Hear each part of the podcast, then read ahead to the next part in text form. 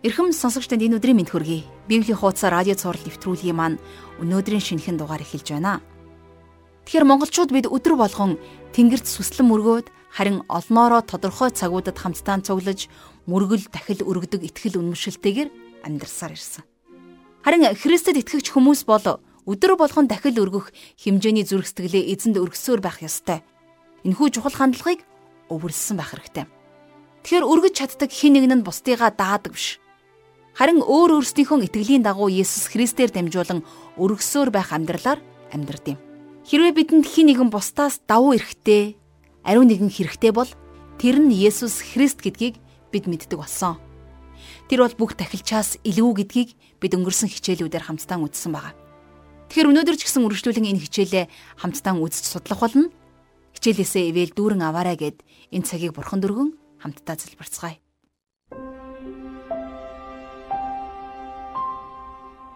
Бурхан аваа танд энэ цагийн төлөө талархал магтаалыг өргөн залбирч байна. Энэ өдөр бид таны үгийг судалж, таныг улам илүүгээр таньж мэдхийг хүсэж байна.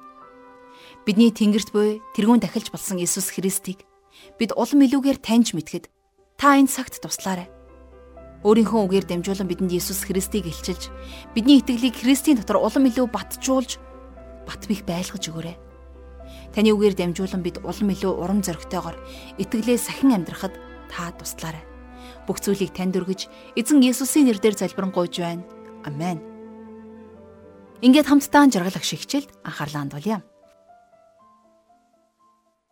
За Еврей номын энэхүү судал бол миний хувьд маш их гайхамшигтай ивэл ерөөл болж байгаа гэдгийг бас энэ ташрамд би хэлэхэд таатай байна. Өнөөдрийнхөө хичээлийг хамтдаа Еврей номынхон 7 дугаар бүлгийг үргэлжлүүлэн үзье. Хамтдаа 23 дугаар ишлэлээр хичээлээ эхлүүлье. Нэг талаас урдийн тахилч нар үе олноороо байсан ч тэднийг ажлаа үргэлжлүүлэхэд нь үхэл саад болж байваа гэж 23 дугаар ишлэлдэр бичсэн байна. За хуучин гэрээний үеийн Аароны хэрэгмийн дагуух тахилч нарын үйлчлэл үргэлж үхлээр төгсдөг байсан. Аарон нас барсан, Мосеч нас барсан. Израильчуудын хувьд Аароны үхэл Мосегийн үхлээс дутуугүй том цохилт болсон байхаа гэж би хувьдаа боддгийн. Яагад гэвэл тэд нар өөрсдийг нь хамгийн сайн ойлгодог. Өөрсөдтэй нь хамт цөлийн амьдралыг туулж явсан тэр мундаг тэргүүн тахилчаа алдсан. За ингээд дараа нь бол тэд нэр шин тэргүүн тахилчтай болсон. А тэгвэл та бидний хувьд бол энэ мэдчлэн тахилч маань өнөөдөр солигдохгүй. Яагад үг гэвэл та бидний төгс тэрүүн тахилч болсон Есүс Христ хизээч солигдохгүйгээр бидний төлөө өнөөдөр зуучлалынхаа үйлчлэлийг хийсээр байгаа. За 24 дугаар ишлэлдэр гítэл нөгөө талаас тэр мөнхөд байдаг тул үл өөрчлөгдөх тахилчийн үүрэгтэй. За яг л түрүүн хэлсэнчлэн эзэн Есүс Христ бол үхшгүй мөнх амьтай. Тэр нэг удаа бидний гим нүглийн төлөө амиа өгсөн.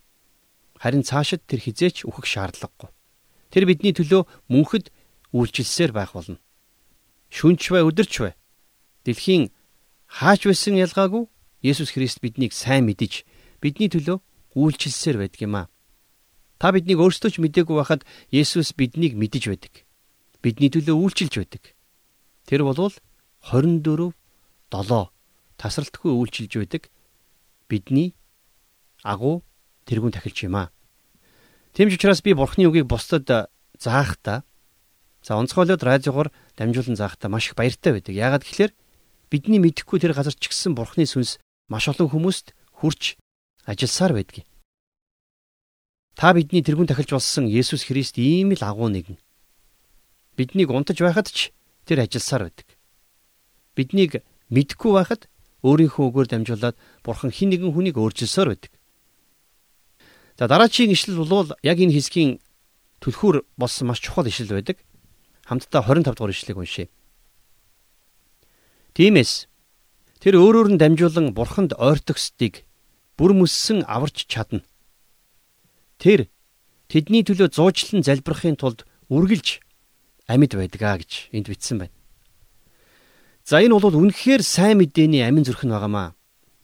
Тимээс гэж энд хэлсэн байгаа учраас бид нар энэ хэсгээс өмнө юу яригдсан бэ гэдгийг бас холбож санах ёстой гэсэн үг тийм ээ.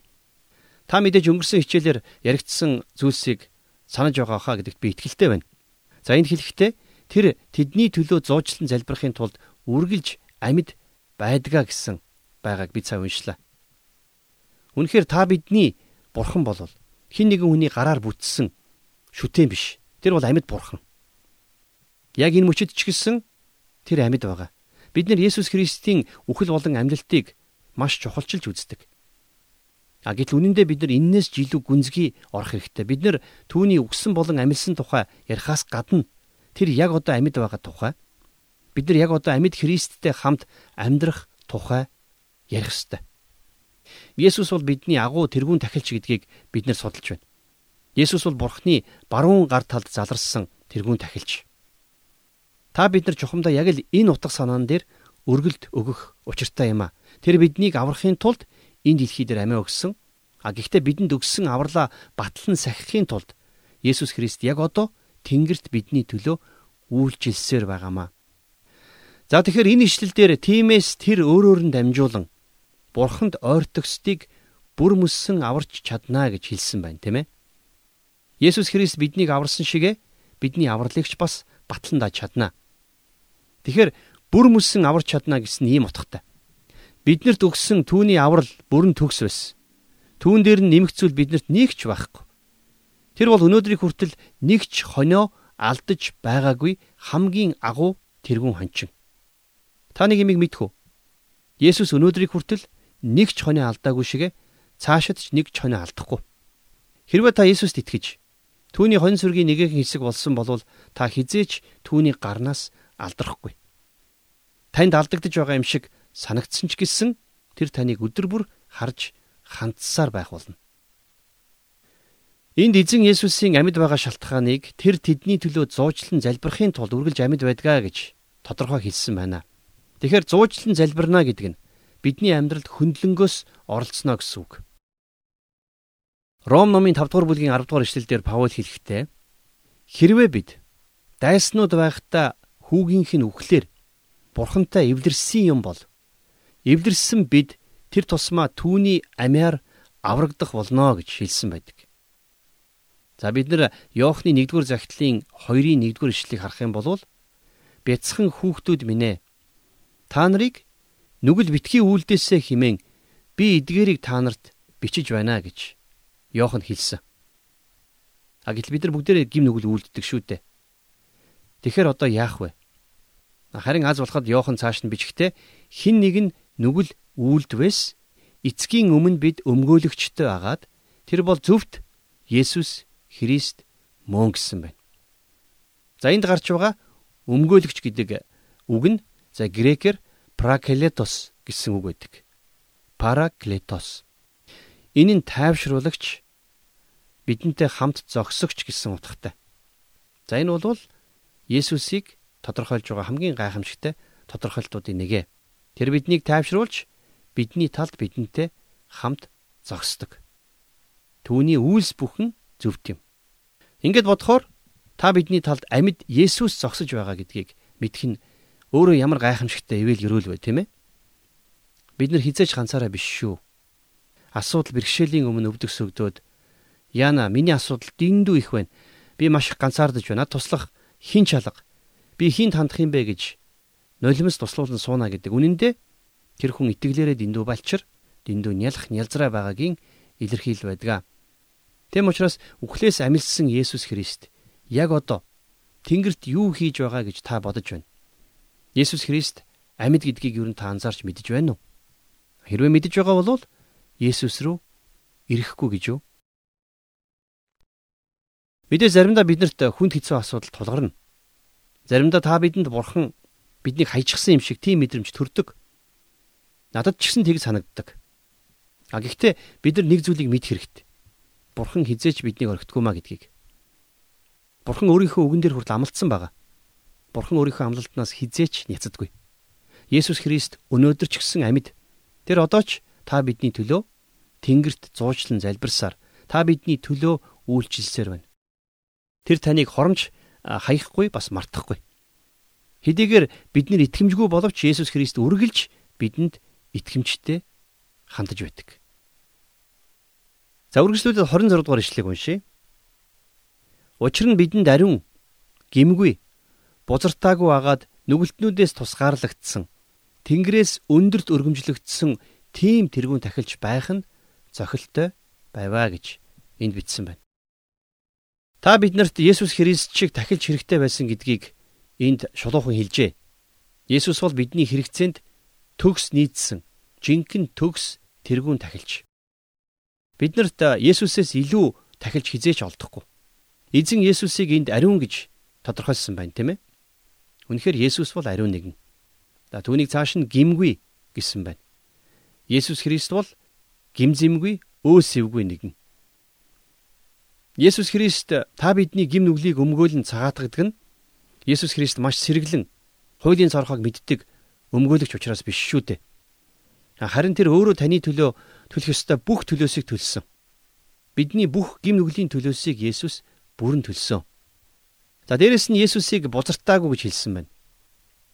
Есүс Христийн бодол санаанд бузар муухай зүйл нэгч байгаагүй. Өнөөдөр та бидний нийгэмдэр бузар муу зүйлс газар авсаар байна.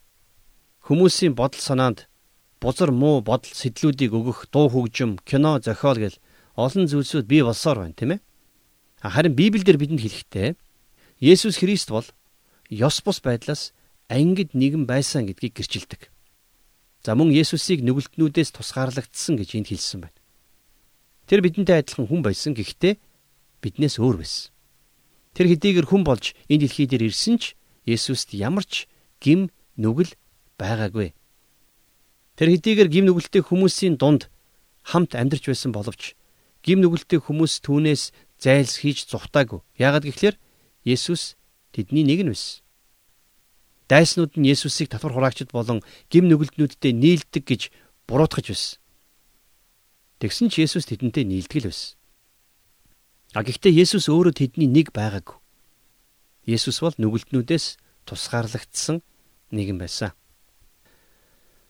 За 27 дугаар ишлэл дээр тэр тэдгээр тэргүүн тахилч нарын адил эхлээд өөрийн нүглийн төлөө дараа нь хүмүүсийн нүглийн төлөө өдөр бүр тахил өргөх шаардлагагүй. Яагад гэвэл тэрээр өөрийгөө бүгдийн төлөө тахил болгохдоо үүнийгэ нэг мөссөн хийжээ гэж энд бичсэн байна. Есүс Христ өөрийнхөө гим нүглийн төлөө ямар нэгэн тахил өргөөгүй гэдгийг бид нар ойлгох хэрэгтэй. Яагад гэвэл Есүст гим нүгэл гэж байгаагүй. Хэрвээ өнөөдөр та бидний төлөө дахиад үхэх ёстой болвол Есүс дахиад ирэх л байсан. А гэхдээ мэдээж тех шаардлагагүй л дээ. Яагад гэвэл Есүс бидний төлөө нэг удаа амиа өгсөн хангалттай. Тэр нь бид бүгдийг аврахад хангалттай төгс тахил болсон байна. Тэм учраас тэр дахиж амиа өргөх шаардлагагүй. Тэр хожим харин дахин ирэхдээ амиа өгөх гэж ирэхгүй харин хаанчилж захирахын тулд ирэх болно. Хуучин гэрээний үеийн тахилчлалын үйлчлэл тухайн үеийн тахилч нарт сүүлдээ бүр маш их дарамт болсон байхаа гэж би хувьдаа боддог. Тэд нэр өдөржин тахил өргөж, өдөржин гар хөлөө угааж, өдөржин борь бох хэсгийлгүй ажиллаж байсан. Тэдгээр тахилчдын хувьд дахин дахин тахилын ширээний өмнө очиж дахин дахин тахил өргөхөөс үнэндээ залхаж байсан баха. Би лав тэдний оронд байсан бол гарцаагүй залхах байсан. А гэтэл тэр залхмаар тийм ядармаар зан үлээр дамжуулаад бурхан бидэнд юу сануулахыг хүсч байсан юм бэ? Гим нүгэл бол аимшигтай муухай зүйл гэдгийг тэр аимшигтай гим нүглийг цагаатгахын тулд заавал цус урсах ёстой гэдгийг сануулахын тулд байсан. А харин байна. Есүс Христ та бидний төлөө загалмай дээр нас барсан яг тэр үеэс эхлээд та бидний төлөө өөр ямар нэгэн мал амьтны цус урсах ямар ч шаардлагагүй болсон юм а. Яагаад үг гэвэл Есүс Христ та бидний бүх гим нүглийн төлөөсийг загалмай дээр бүрэн төлсөн. За хичээлийнхаа эцэс 28 дугаар ишлэгийг уншъя. 7 дугаар бүлгийн 28 дугаар ишлэл. Хууль нь мөхс хүмүүсийг тэрүүн тахилчаар томилдог бол Хуулийн дараа ирсэн тангаргийн үг нь харин мөнхөд төгс болсон хүүг томилдог билээ. Хуучин гэрээний үед тэрүүн тахилч нь өөрийнхөө төлөөж гисэн тахил өргөх ёстой болдог байсан. Ягд гэвэл тэрүүн тахилч нь өөрөө бас гим нүгэлтэй байдаг байсан. Харин Есүс Христ хизээч өөрийнхөө төлөө тахил өргөх шаардлага байгаагүй. Яагад гэвэл Есүс хэдийгээр хүн байсан ч гэсэн түүнд гим нүгэлгэж байгаагүй.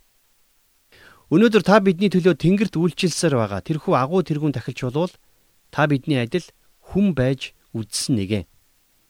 А гэхдээ тэр бидний адил нөхцөл байдал ч гэсэн гим нүгэл үйлдэлгүй байж чадсан нэгэн.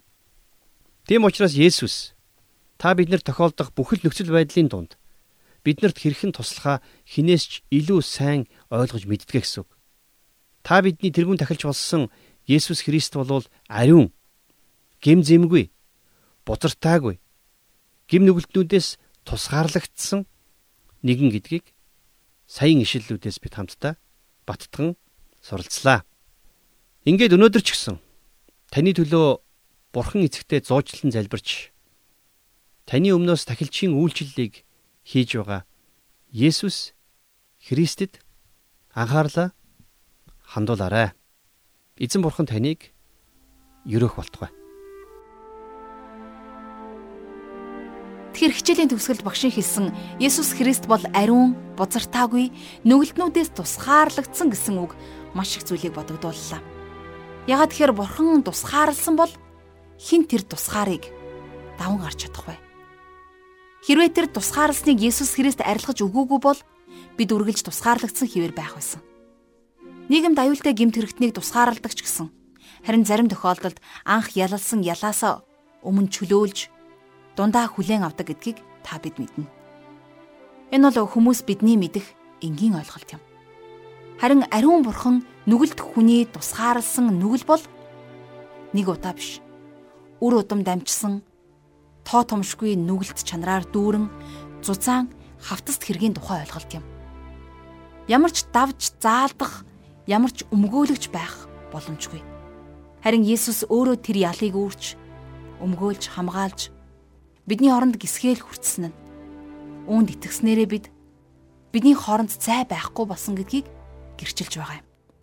Ах トゥ нараа бид Есүс Христээр дамжуулан Бурхантай эвлэрсэн хүмүүс. Хамстаа тэр агуу нэгүслийн төлөө Бурхан талархал магтаалыг өргөн залбирцгаая.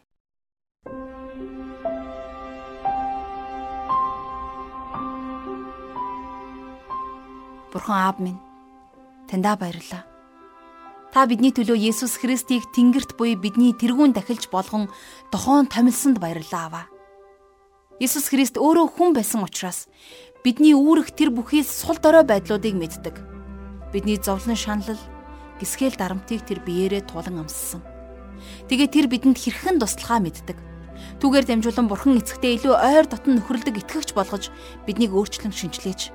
Есүс Христийн тэрхүү гайхамшигтай үйлчлэлийг санахтаа итгэлийн амьдралдаа илүү урам зоригтой, илүү баяр хөөртэй амьдрахад бидэнд туслаарай. Үнэхээр та биднийг итгэлийн амьдралын маань өдөр болгоныг ариун сүнсээрээ удирдаарай. Бүх зүйлийг танд өргөж эзэн Иесусийн нэрээр залбирanгуйж байна. Амен.